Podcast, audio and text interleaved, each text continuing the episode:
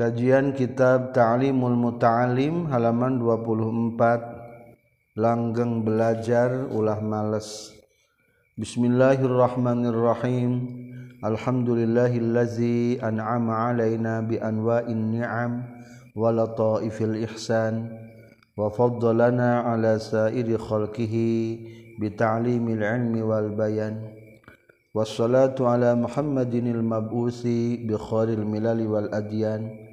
wa ala alihi wa ashabihi buduri ma'alimil iman wa syumusi awalimil irfan amma ba'du.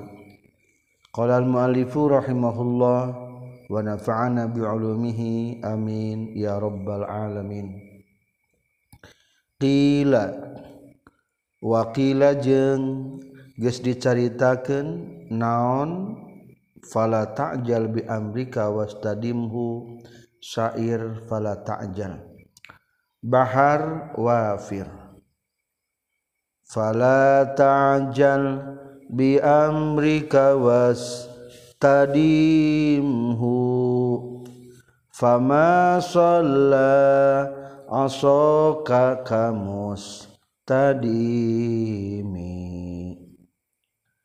fala ta'jal maka ulah gagancangan anjeun bi amrika kana urusan anjeun wastadim jeung kudu nyuprih ngalanggengkeun anjeun hu kana itu amrika fama sholla maka henteu ngaluskeun kana ngalesuk.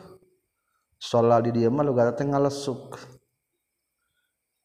Dalam kurung ngalempengkeun itu ituk ku diasongkeun kana sunnah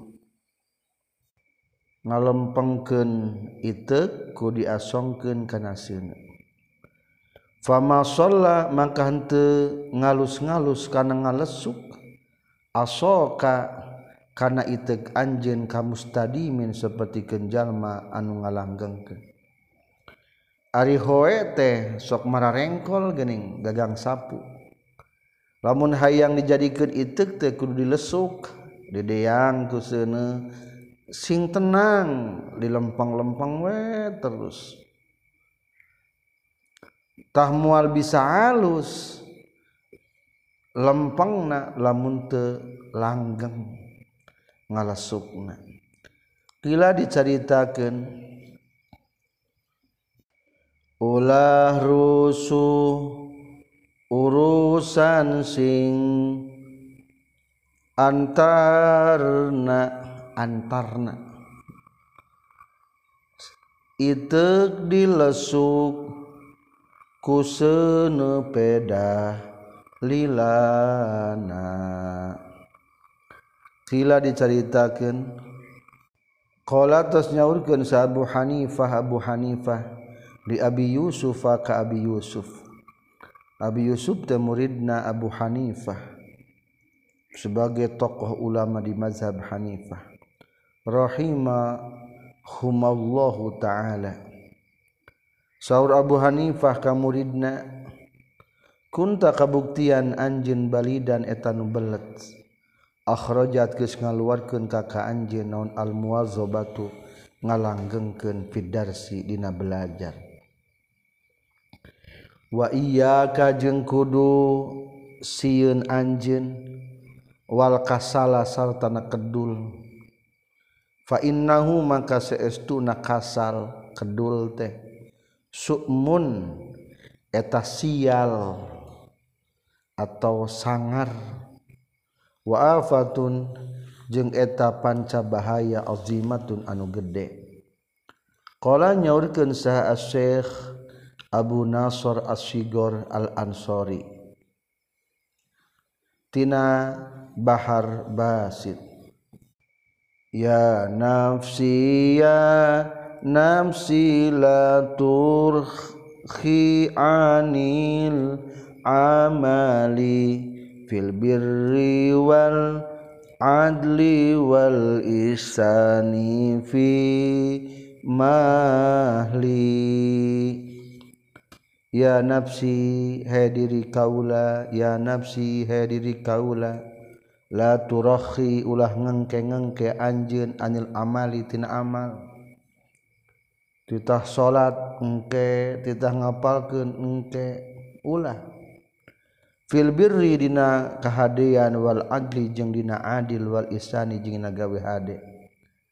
Fi mahlin barina tenang atau santai. Mahlan mahlan di zat mahlan sakedap sakedap ulah. Wa kullu zi amalin fil wakulluzi amalin fil khairi mugatabitun wa fil bala'i wa syu'min kulluzi kasali. Wa kulluzi amalin jeung Arisakabeh anu ngabogaan pagaweyan filkhori na kahadean mugtabitun eta anu menang kasenangan atau boleh anu pikabitaun wafi balain jeung eta tetep bina balai wasukmin jeung dina sial kullu kasalin ari saban-saban nu ngabogaan kakedulan Nazom Sunda. Diri kuring diri kuring ulah talang kena. Ulah talang ke ngamalkeun.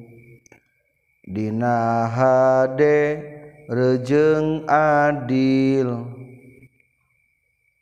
tong santai dina kaalusan. Syakur amal kahadean pasti aya kauntungan pasti balai jeung sial. Dina sakur kakedulan. Waqadi tafaqo jeung nyata geus akur lipikeun kaula fi hadzal makna dina ieu makna naon da'in nafsi takasul. Bait syair tina bahar wafir. Da'in nafsi takasula wa tawani wa illa pas biti fizil hawani. Dai kudu ninggalkeun anjeun nafsi heh diri kaula. Jadi nitah teh ngalarang teh kasorangan. Tinggalkeun. Kumaneh he awak di sorangan? Ataka sula kana kedul watawani jeung talangke. Wa illa jeung lamun teu dai pasbuti tak kudu cicing anjin fizil hawani dina nu ngabogaan kahinaan. Lamun teu bisa ninggalkeun kedul siap-siap kudu hina. Falam ara lil kasali hadza falam ara likasalil hadza falam ara lil kusalal hadza maaf bahar wafir falam ara lil kusalal hadza yahza siwana damin wahirmanil amani. Falam aro maka teningali kaula lil kusala ka pirang-pirang jalma anu kedul. Al hadza kana bagian. Yahza anu menang bagian itu si kusala. Siwa nadamin anu salian tinalangsa wahirmanil amani jeung kahalangan pirang-pirang cita-cita. Nu kedul mah tara menang bagian naon-naon. Kajaba menang bagian sedih nalangsa boga kahayang teu nyampe gara-gara kedul. Wakila jeung dicaritakeun deui naon betsair tina bahar basit. Basit. Kam min haya in wa kam ajzin wa kam nadamin. Jamin tula dulil insani min kasalin. Jamin tuwalladulil insani min kasalin. Kam min hayain mang pirang-pirang tina kaera wa kam ajizin jeung mang pirang-pirang tina kaapesan wa kam nadamin jeung mang pirang-pirang tina nalangsa jamin anu loba. Tuwalladu tawal tuwalladu dibijilkeun itu hayain ajzin jeung nadam. Lil insani pikeun manusia min kasalin tina kedul. Iyyaka an kasalin fil bahsian syubuhin maqad alim tawa maqad syuka min kasalin. Iya ka kudu rempan anjeun an kaslin kasalin tina kedul fil bahsi dina ngabahas. An syubuhima tina pirang-pirang samarna atau salirukna perkara.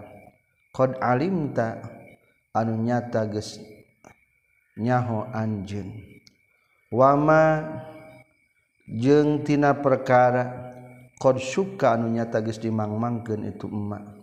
Min kasalin tina kusabab kakedulan nazam sunda.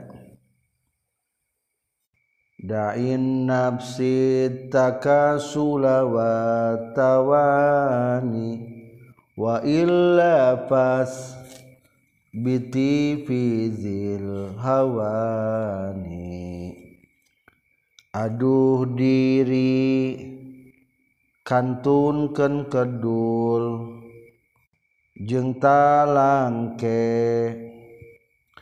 lamun kedul pasti tetap dina hina bet kaduana acan nempo anu kedul make nanjung.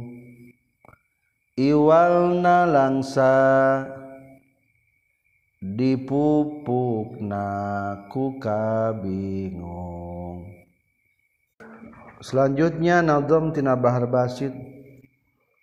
Kam min hayain wa kam ajzin wa kam nadamin.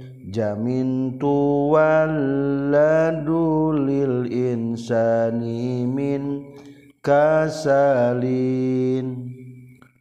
pirang-pirang kaera kaapesan jeung nalangsa. Pirang-pirang lahir ti jalma kedul henteu bisa.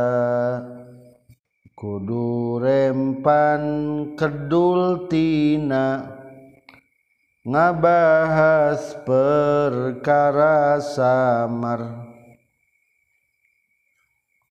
Anu nyaho anu mangmang timbul tina kakedulan waqad kila jeung nyata geus dicaritakeun deui. Al kasalu ari kedul min qillati ta'ammuli eta tina saeutikna mikir. Fi manaqibil ilmi dina pirang-pirang kagungan ilmu. Wa fadailihi jeung pirang-pirang kautamaan ilmu. Fayan bagi maka penting naon ayut iba yen nyapekeun jalma. nafsahu kana diri najallma alat tahsili kana ngahasilkeun ilmu. Wal jiddi jeung kana keyeng nyanya. Wal muwazobati jeung ngalanggengken bitaamuli kana mikir-mikir fi fadailil ilmi. Dina pirang-pirang kautamaan ilmu. Fa innal ilma maka seestuna ilmu yabqa eta awet atau tumetep itu ilmu. Wal malu jeung adi harta yafna eta ruksak itu emal kama sapertikeun perkara qala tos nyaurkeun sa amirul mukminin amirul mukminin tegasna Ali bin Abi Thalib karramallahu wajhah bahar wafir. Radina qis matal jambari fina. Lana ilmun walil a'da imalun. Radina gesrido urang sadaya kismatal jabbar karena pembagian ti Allah anu maha perkasa. Fina di urang sadaya. Lana eta tetep bikin urang sadaya ilmun ari ilmu. Walil a'dai jeung eta tetep bikin pirang-pirang musuh malun ari harta. Fa innal ma layafna an qaribin. Wa innal mayabqala yazalu. Fa innal mala mangka saestuna harta yafna eta rugsat itu emal. An qaribin tina waktu anu deukeut wa innal ilma jeung saestuna ilmu yabqa eta tumattap itu ilmu. La yazalu moal leungit itu ilmu. Nadam sunda. kami ridho pembagian ti pangeran. Boga ilmu musuh boga kaduniaan da barang mah piruksakeun deket pisan. Ari ilmu awet mual pilengiten. Wal ilmu nafi'u jeung ari ilmu anu manfaat. Yasulu eta hasil bihi ku ilmu nafi' naon husnuz zikri alusna pujian. Wa yabqa jeung tumattap naon zalika itu husnuz zikri ba'da wafatihi sabada wafatna jalma.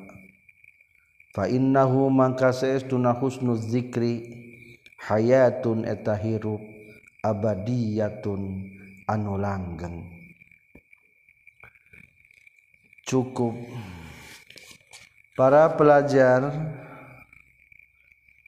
Syekh Zarnuji dina kitab Ta'limul Muta'alim memotivasi ka orang penting kudu langgeng belajar.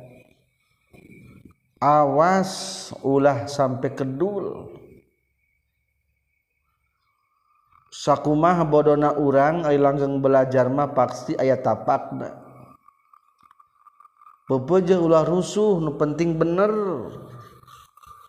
Lamun nalar alpia sing bener ulah rusuh yang pindah bed lamunalar Quran hiji surat can lancar bener ulah wakah yang nambahan.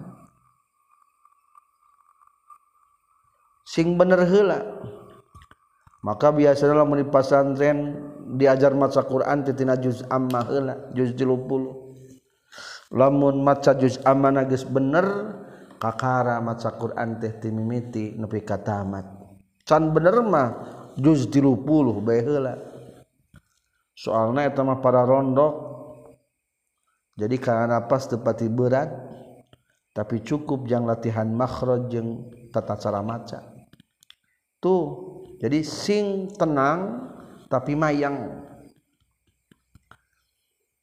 Fala ta'jal bi amrika was tadimhu ulah sok rusuh. Dina segala urusan ge sing langgeng nu begeuna mah ukur usaha. Ulah sayang buru-buru kaya sing bisa heula engke geus bener hirupna mah ku Allah ditaekeun kerja di santri ulah hayang buru-buru jadi kiai sing bener heula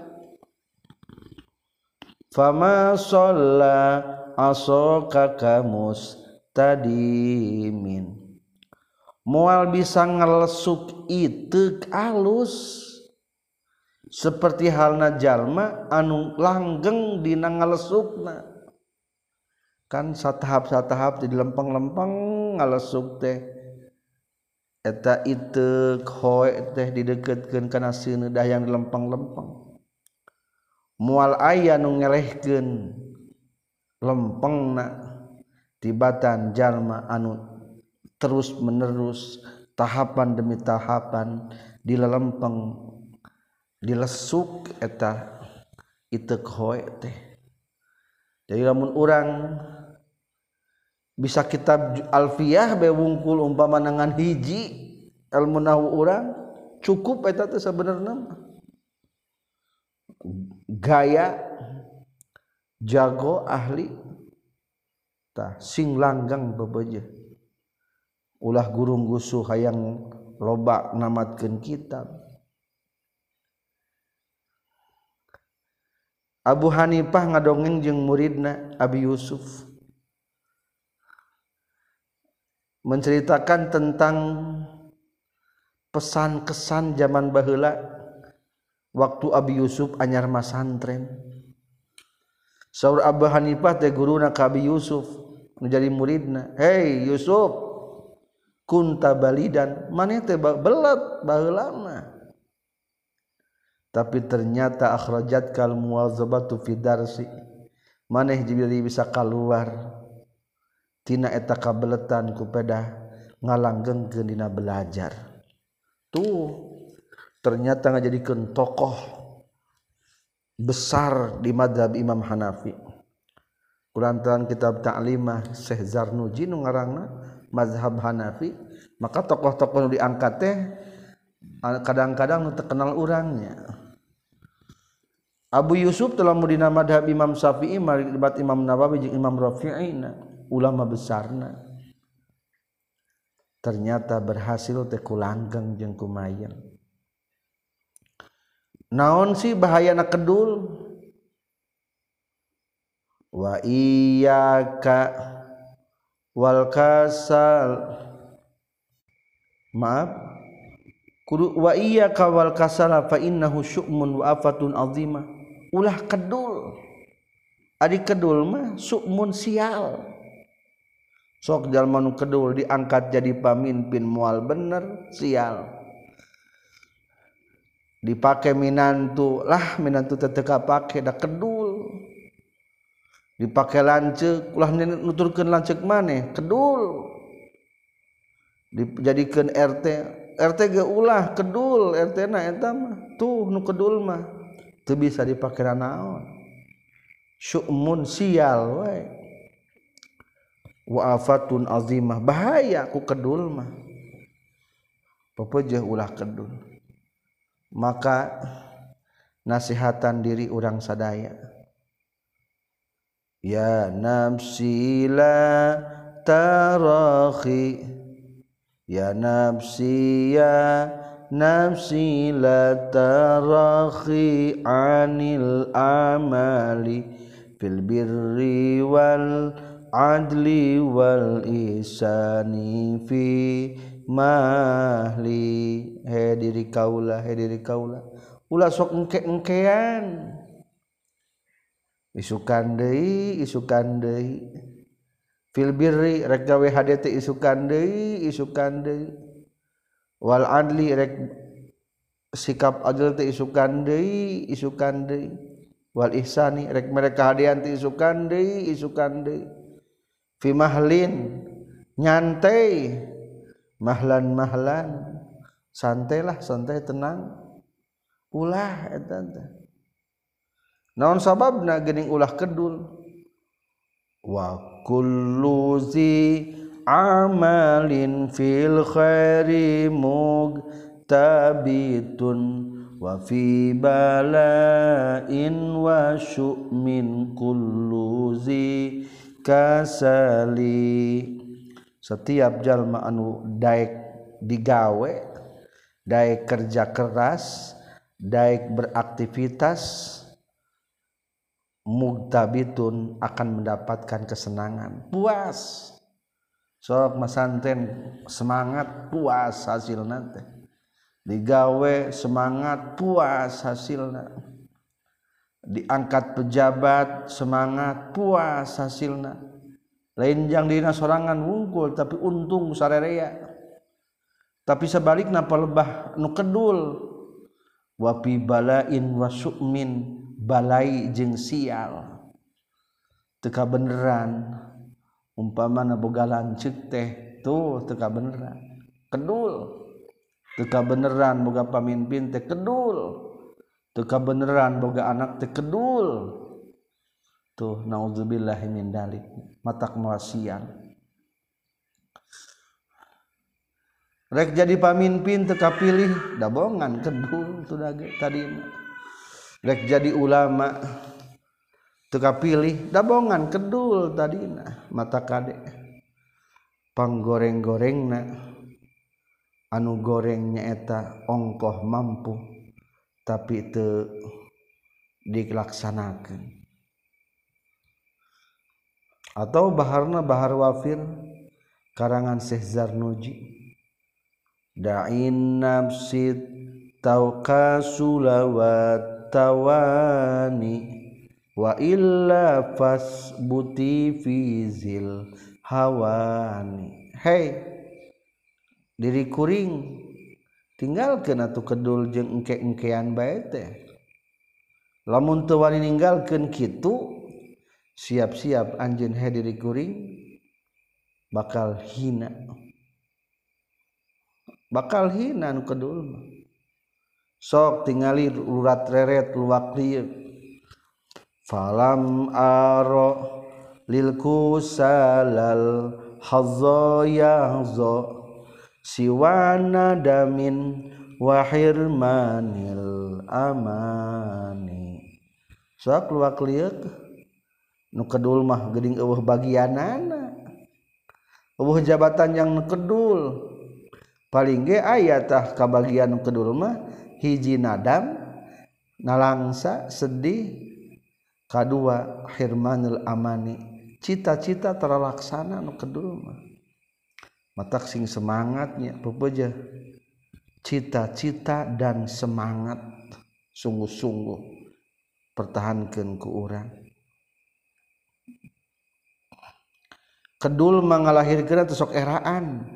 Mungkin nanti lantaran kedul di pasantren balik Kamat era nah telah keluar nyeraken kasebut masanten tapi itu bisa ngaji. Tuh kaji era. Kedua apes dititah tampil tuh segala tuh bisa. Lain tuh masanten kedul tadi. Katilu lo bakal sedih jeung kahanjakal hanjakal teu baheula teu anu baheula teu anu. Tuh awas. bencana kanu Kedul hiji sok eraan K2 apes segala bisa katilu sok nalangsa termasuk sial. Mata kadina teori belajar lamun ayam materi nu masih keneh ragu ulah kedul tinggalian deui. Aya anu masalah masih keneh saliru taram-taram cek Sunda mah. Balikan deui ulah sok kedul. Ari kedul teh di mana mulainanya al kasalu min qillati ta'ammul fi manaqibil ilmi. Aripangna kedul belajar teh biasa mah kurang mikir keagungan ilmu. Coba pikirkan keagungan ilmu. Lamun jalma jadi ulama bakal disolawatan ku makhluk ayah di bumi jeng di lautan Wah. Si ingat eta. Jadi lamun orang kerkedul baca buku-buku tentang keutamaan ilmu. Jalmaan berilmu. Kalebetkeun sedekah jariah sampai kana poe kiamat. Sanajan jalma geus maot bakal dikiriman bak amalna bakal ngalir terus ladang ngawurupna tah kan semangat. Jadi pepeje lamun urang keur males baca keterangan-terangan anu bertalian jeung keagungan-keagungan ilmu. Kesimpulan terakhir pepeje sing capek diri karena hayang berhasil karena ilmu. Kedua sing sungguh-sungguh jeng langgengken mikirkan keutamaan ilmu hari ilmu mah awet harta masuk beak. Seperti kasauran Sayyidina Ali kumaha? Rodinakis matal jabari fina lana ilmun walil ada imalun. Abdi marido gusti. Abdi dipasihan ilmu musuh mah dipasihan harta ternyata harta temake ilmu mah jadi beak. Tapi ilmu bisa mendatangkan harta bisa mendatangkan kepercayaan bisa mendatangkan kehormatan bisa mendatangkan kesejahteraan bisa mendatangkan kemaslahatan bisa menerangi seluruh wilayah dan daerah. Tuku ilmu mata ilmu faal malayafnaan qaribin Wal innal mayamkola yazalu. Harta mah beak sakedeng deui sahareu nanjung sok. Sebagian nama aya anu manggihkeun bangkrutna aya deui nu manggih teu manggihkeun bangkrutna bangkrutna teh bareng jeung maotna aya anu kitu. Tapi lamun ilmu ilmu mah bakal langgeng nya lamun heug beunghar bari make ilmu meskipun maut kadang-kadang masih berlanjut kekayaan anak di antara keagungan ilmu wal ilmu nafiya sulubi husnu zikri. Lamun urang boga ilmu manfaat akan terus diceritakan kebaikan-kebaikan duh iya ajengan mama anu. Nepi kacaan kia di lembur. Sanajan orang nages maut kasebut keneh. Baheula teh nu ngaramekeun ieu lembur teh kang ajengan anu. Tuh kasebut. Mata mudah-mudahan urang sedangengkeun kaberkahan il ilmu. Walhamdulillahirabbil alamin.